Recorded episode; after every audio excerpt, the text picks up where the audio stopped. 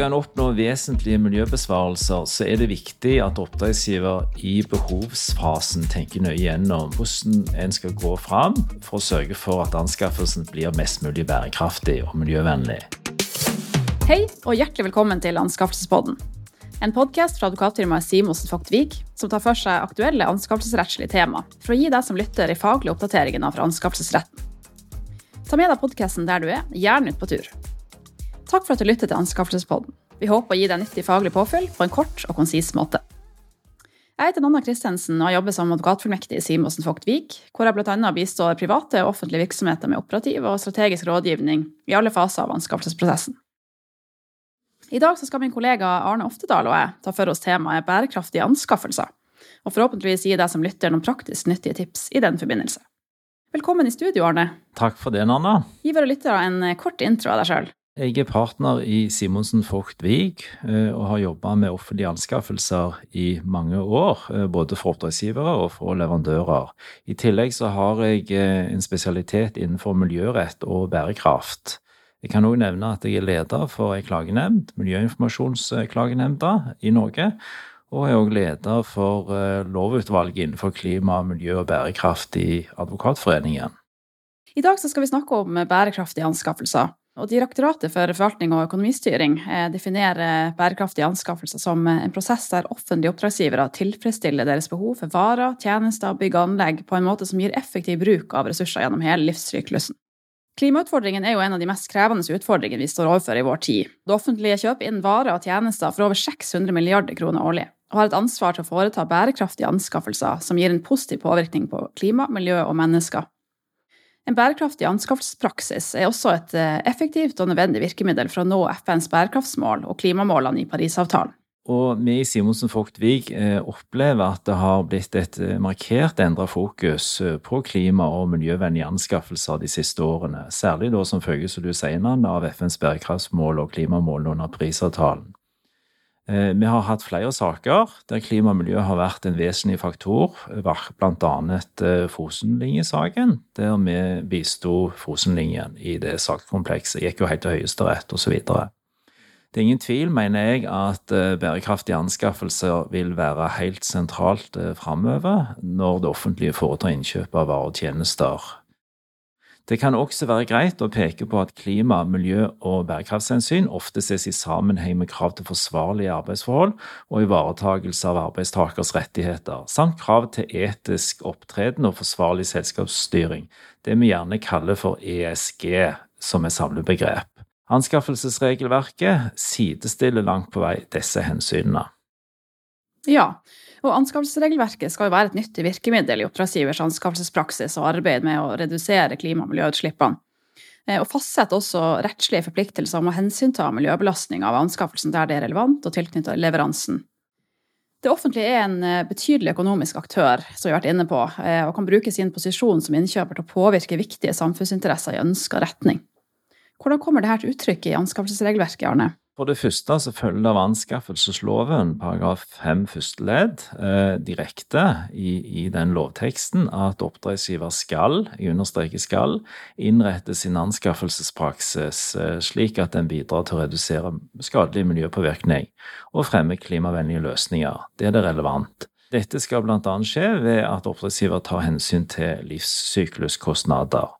Og Så følger det da videre av andre ledd i den lovbestemmelsen at oppdragsgivere kan stille egnede krav og kriterier knyttet til ulike trinn i anskaffelsesprosessen, slik at offentlige kontrakter gjennomføres på en måte som fremmer hensynet til miljø, innovasjon, arbeidsforhold og sosiale forhold, forutsatt at kravene og kriteriene har, har nødvendig tilknytning til leveransen. Mm. Bestemmelsen i anskaffelsesloven paragraf 5 oppstiller altså krav til hvordan oppdragsgiveres eh, anskaffelsespraksis skal styres og organiseres, eh, i tillegg til de krav da, altså de enkelte anskaffelsene må, må omfatte. Videre så har vi også en bestemmelse i anskaffelsesforskriften paragraf 7-9 som fastsetter en rettslig forpliktelse om å hensynta miljøbelastning av anskaffelsen, der det er relevant, Arne? Ja, eh, og i den forskriftsbestemmelsen så presiseres det at oppdragsgiver skal legge vekt på å minimere miljøbelastningen og fremme klimavennlige løsninger ved sine anskaffelser, og at en kan stille miljøkrav og kriterier i alle trinn av anskaffelsesprosessen osv. Så følger det videre av den at der en bruker miljø, eh, klima og bærekraft som et tildelingskriterium, så bør det som hovedregel eh, vektes minimum 30% hvilket er relativt betydelig. Arne, kan du gi våre lyttere en kort oppsummering av hva som er essensen i anskaffelsesloven paragraf 5 og anskaffelsesforskriften paragraf 7-9?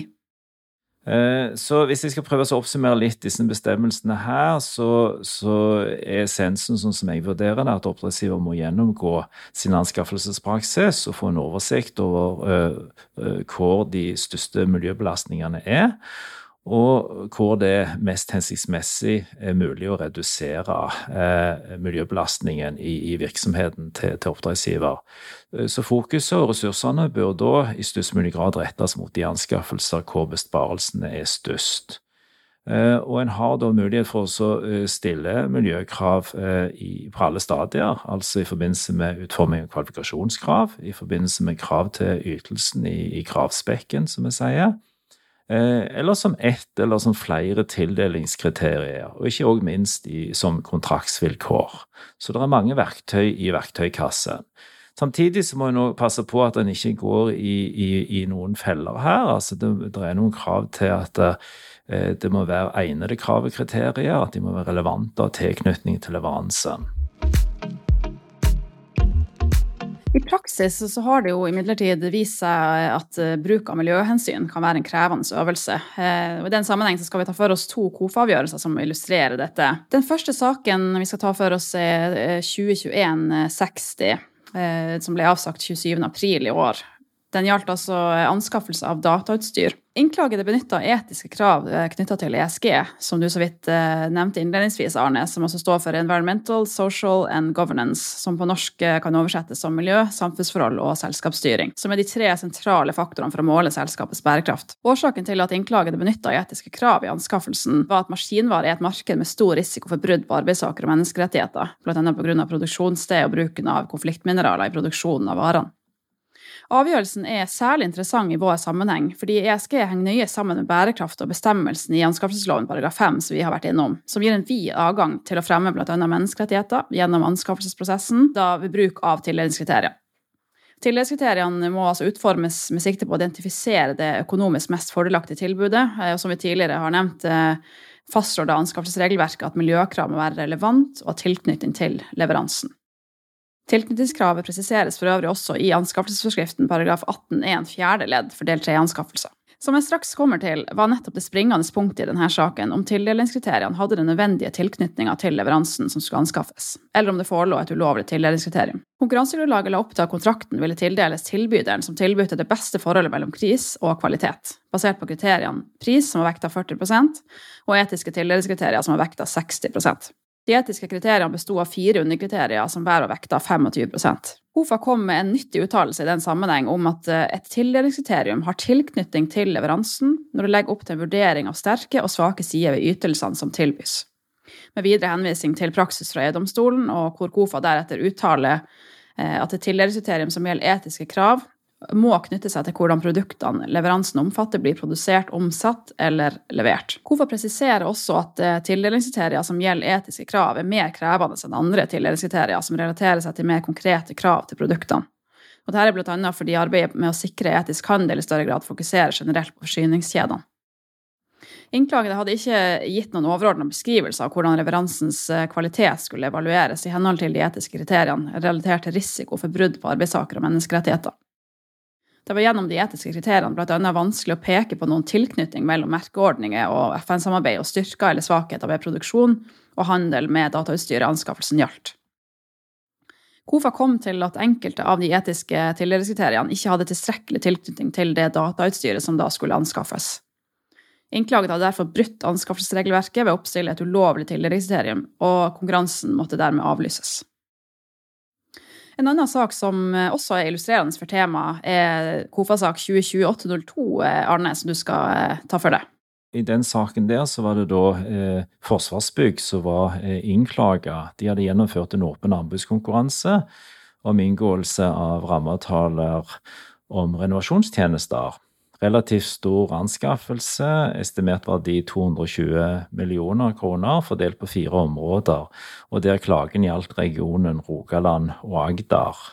Der ble pris vekta med 70 eh, mens miljøkjøretøy ble vekta med 20% og materialgjenvinningsgrad ble vekta 10% Klager som kom som nummer to, han, eh, eller det selskapet, klaga på det meste. Eh, blant annet så anførte da klager at tildelingskriteriet miljøkjøretøy var ulovlig fordi det var uklart, og fordi de ikke hadde stilt tilstrekkelig dokumentasjonskrav. Videre så ble det anført at tildelingskriteriet miljø materialgjenvinningsgrad var ulovlig fordi det var uklart og manglet tilknytning til kontraktsgjenstanden. Og til sist anførte klager at innklaget i evalueringen av tildelingskriteriet miljøkjøretøy hadde plikt til å kontrollere opplysninger valgte leverandørs tilbud, og da ikke hadde gjort det eh, sånn som klager mente. KOFA mente på sin side at Forsvarsbygg i tilstrekkelig grad hadde presisert grunnlaget for eh, leverandørens eh, uttelling. Forsvarsbygg hadde da benytta et skjema hvor leverandørene ble bedt om å skille kjøretøyene som skulle benyttes fra hverandre. Det var lagt rubrikker der en førte inn reg-nummeret på hvert enkelt kjøretøy. En førte inn hvilken eh, motorteknologi kjøretøyet hadde, f.eks. om det var elmotor eller om dieselmotor eller hva det var. Og videre hvilken type drivstoff som var tiltenkt brukt i leveransen, f.eks. vanlig diesel eller biodiesel. Og Det mente KOFA var klart nok. Når det gjaldt dokumentasjonskravet, så slo KOFA fast i samsvar med sikker praksis at dokumentasjonen som kreves, skal gjøre det mulig for oppdragsgiver å etterprøve tildelingskriteriene på en objektiv måte, slik at oppdragsgiver skal kunne foreta en effektiv kontroll av tilbudene. Og Det må en da vurdere konkret, noe som òg ble gjort her. Eh, og KOFA fant da at eh, dette skjemaet osv. var tilstrekkelig som dokumentasjonskrav og i tillegg så la KOFA vekt på at det var stilt krav i kontrakten òg til hva skal vi si, en form for kontroll, eh, ved at det var krevd årlig rapportering av mengde drivstoff og hvilken type drivstoff som var brukt på de ulike kjøretøyene. Eh, denne saken viser etter mitt syn at det er fullt mulig for offentlige oppdragsgivere å aktivt bruke miljøkriterier og bærekraftskriterier uten å komme i brudd med regelverket. Men det er fallgruver, og det finnes flere andre saker eh, der KOF har konstatert brudd på regelverket, altså òg utover den som du nevnte navnet. Mm. Eh, videre så tenker jeg at dette er et område hvor oppdragsgiver må skaffe seg kunnskap om hva som anses som bærekraftig og miljøvennlig. For eksempel så er biodiesel og vanlig diesel eh, for kort tid siden Eh, likestilt av norske myndigheter i avgiftsmessig sammenheng. Altså likestilt som like miljøvennlig. Mens eh, for eh, ikke lenge siden så ble biodiesel regna som klart mer miljøvennlig. KOF-avgjørelsen som vi nå har gjennomgått, viser altså viktigheten av at oppdragsgiver foretar konkrete vurderinger av om det skal stilles miljøkrav, og i tilfelle hvilke. Noe som beror på om miljøkravene er relevant og tilknyttet leveransen. Oppdragsgivere må derfor utnytte det handlingsrommet de har i anskaffelsesregelverket, og bruke sitt innkjøpsfaglige skjønn til å vurdere i hvilken grad den enkelte anskaffelse kan ivareta miljøhensyn på en effektiv måte, avhengig av bl.a. anskaffelsens art og omfang og markedssituasjon. Arne, hvordan bør oppdragsgivere tilnærme seg miljø og bærekraft eh, i offentlige anskaffelser? Skal en oppnå vesentlige miljøbesvarelser, så er det viktig at oppdragsgiver i behovsfasen tenker nøye gjennom eh, hvordan eh, en skal gå fram for å sørge for at anskaffelsen blir mest mulig bærekraftig og miljøvennlig. Og kanskje så fordrer dette nytenking. Eh, det kan fordre ekstra dialog med markedet eh, i forhold til nye eh, løsninger som vi kanskje ikke har prøvd ut. Og det kan òg fordre bruk av særskilte prosedyreformer, innovative anskaffelser osv. Eh, så gode prosesser i forkant eh, hos oppdragsgiver er etter mitt skjønn særdeles viktig. Og min påstand er at omtrent enhver anskaffelse eh, Nanna, er det mulig å oppnå en ikke ubetydelig miljøgevinst på. I tillegg Arne, så er det noen sentrale bestemmelser i anskaffelsesforskriften vi kort skal nevne i den sammenheng, som kan være nyttig å kjenne til, hvor det for øvrig finnes tilsvarende bestemmelser i forsyningsforskriften. Ja, det følger av paragraf 15-1 at oppdragsgiver, når uh, oppdragsgiver skal utforme kravspesifikasjonen, har rett til å ta hensyn til faktorer som inngår i hele livssyklusen av varen eller tjenesten. Uh, altså selv om disse faktorer ikke påvirker selve varen eller tjenestens egenskaper direkte, så har en mulighet for det. Det tenker jeg er greit å kjenne til. Videre så fremgår det av paragraf 15-3 eh, at oppdragsgiver har mulighet til å bruke en bestemt merkeordning som dokumentasjon for at varen eller tjenesten har de miljømessige, eh, sosiale eller andre egenskaper som er angitt i kravspesifikasjonen, eller som blir brukt i tildelingskriteriene eller kontraktsvilkårene. Eh, og dette vil ofte effektivisere anskaffelsesprosessen, og er å anbefale, etter mitt syn, å bruke. Eh, men det er da viktig å bruke anerkjente og velutvikla merkeordninger som følger de kravene som forskriften nærmere bestemmer. Mm. Videre så tenker jeg at det er viktig å vurdere om en skal stille krav til leverandørene i forhold til at leverandørene kan dokumentere at de enten er miljøsertifisert eller har gjennomført et miljøledelsessystem. Eh, og Her er det en bestemmelse i paragraf 16-7 eh, andre ledd eh, som regulerer adgangen til å gjøre det. Og Jeg mener at dette er et krav som en bør benytte. Dermed så sikrer en at det blir stort fokus på bærekrafthensyn hos den eller de leverandørene som får kontrakten. Og i de fleste anskaffelser, tenker jeg, så vil det være relevant og saklig å ha med et slikt krav. Og det fremmer, eh, sagt med andre ord, grønn eh, konkurransekraft.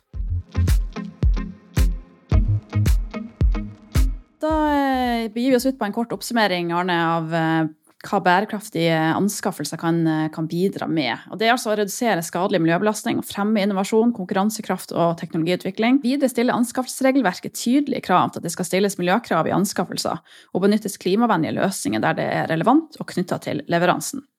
Bærekraftige anskaffelser er videre et virkemiddel eh, som er viktig for å oppnå Norges klima- og miljømål og FNs bærekraftsmål om bekjempelse og forebygging av klimaendringene. Oppdragsgiver må gjennomgå sin anskaffelsespraksis, få en oversikt over hvor de største miljøbelastningene er, og hvordan de mest hensiktsmessig kan reduseres. Gjennom å stille miljøkrav i anskaffelser eh, kan offentlige oppdragsgiver bidra til å påvirke og utvikle miljøvennlige løsninger i markedet og omstille Norge til et lavutslippssamfunn, samt bidra til det globale grønne skiftet mot eh, flere bærekraftige løsninger. Som du, Nanna, var inne på, eh, så snakker vi her om eh, store beløp, 600 milliarder. Og hvis alle de anskaffelsene blir mer bærekraftige, så utgjør det i seg selv en stor sum. Og i tillegg så skal en heller ikke undervurdere hvilken betydning det offentlige har mm. som kaller en bjellesau for resten av næringslivet. Eh, samtidig så er det slik at KOFA-praksis viser at eh, det kan være utfordrende å stille miljøkrav. Eh, og Derfor så er det viktig når en gjør dette, at en gjør det på, på rett måte. Og at en er seg bevisst hvilke miljøkriterier en bruker, og at de har tilstrekkelig grad av hva skal vi si, tilknytning og relevans til den aktuelle anskaffelsen. Da runder vi av og takker for oss. Arne, tusen takk for ditt bidrag i denne episoden. Veldig kjekt å få lov å være med og snakke om dette spennende temaet. Takk. Tusen takk også til våre lyttere, som vi håper har fått nyttig faglig påfyll om bærekraftige anskaffelser. Kanskje fått gått en tur samtidig.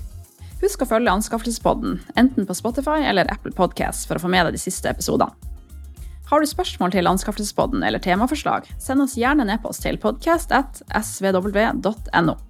Kjære lytter, jeg ønsker deg hjertelig velkommen til neste podkast-episode. Ha det bra. Ha det bra.